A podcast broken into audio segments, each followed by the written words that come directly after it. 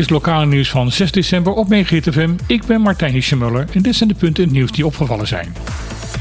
In vergelijking met 2019, het laatste jaar voor de corona-uitbraak, is afgelopen maand Bonaire weer door meer mensen bezocht. Er kwamen in november 2019 13.400 bezoekers onze kant op. Afgelopen maand waren dat 14.689. Dat is een stijging van bijna 10%. Al met alles 2022 een uitstekend jaar geworden voor toerisme op het eiland. Bonhata, de beroepsorganisatie voor de sector, weet te melden dat de hotels in Bonaire afgelopen jaar een gemiddelde bezetting hebben gehad van 66%.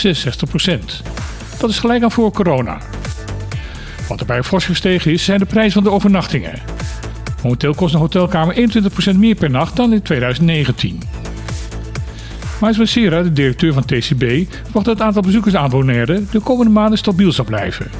Het aantal verkeersvluchten naar Bonaire International Airport zal namelijk tot en met april 2023 gelijk blijven met het huidige aantal. In 2030 zullen 16% meer mensen Bonaire wonen dan nu het geval is. Deze verwachting heeft het Centraal Bureau van Statistiek vandaag bekendgemaakt. In 2030 zullen naar schatting iets meer dan 25.000 mensen Bonaire gaan bevolken. Het percentage daarvan dat in het Caribisch gebied geboren is, zal in dat jaar net boven de 50% liggen. Het percentage inwoners dat in Europees Nederland is geboren zal in 2030 gelijk liggen aan nu, namelijk 15%. Het CBS verwacht dat de groep inwoners die buiten het Koninkrijk zijn geboren de grootste stijging zal gaan doormaken. Ook Bonaire zal te maken krijgen met de vergrijzing. Dat houdt in dat het percentage inwoners die 65 jaar zijn of ouder verder zal gaan stijgen. Momenteel is deze groep percentueel het grootst op Saba. In 2030 zal dat op Bonaire zijn. De verwachting is dat in 2030 19% van de mensen die op Bonaire wonen gepensioneerd zullen zijn. Het CBS waarschuwt dat ook de afgelopen jaren de ontwikkelingen rondom de bevolkingsaanwas in Caribisch Nederland zich grillig hebben voltrokken. Vooral de migratie naar de eilanden toe blijkt moeilijk te voorspellen te zijn. Daarom zal het CBS ook de komende jaren de vinger aan de pols blijven houden. Er blijkt veel belangstelling te zijn voor ondernemers voor het volgen van managementcursussen.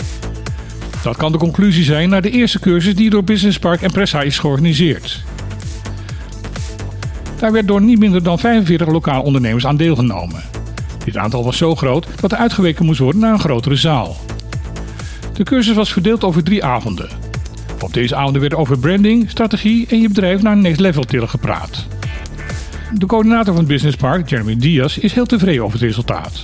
Voor hem is het belangrijk dat het Business Park de lokale ondernemer hiermee kan ondersteunen. Het eerste kwartaal 2023 zullen er ook nog avonden volgen waar onderwerpen als belasting en administratie aan de orde zullen gaan komen.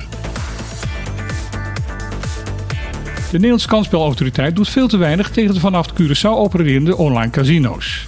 Dat is een conclusie die uit de evaluatie van het te trekken is.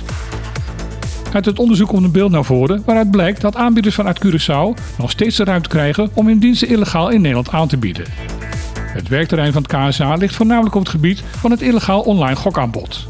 Toch vinden marktpartijen en een aantal overheidsorganisaties dat het bestrijden van het illegaal aanbod veel te weinig aandacht krijgt van het KSA. Het KSA zelf is niet eens met deze conclusie. Zij stelt dat er momenteel vele duizenden goksites in de gaten worden gehouden. De autoriteit zegt daarbij dat het onmogelijk is om daarbij transparant te opereren. Dat zal de andere partij te veel inzicht geven in het werk van het KSA. Het beeld dat er weinig gebeurt klopt dus niet volgens de organisatie. Er gebeurt achter de schermen volgens KSA veel meer dan er bekend is. Het KSA is trouwens niet de enige organisatie die kritiek krijgt over de bestrijding van illegaal online gokken. Ook het Openbaar Ministerie en de Nederlandse Bank kregen een veeg uit de pan in het evaluatierapport.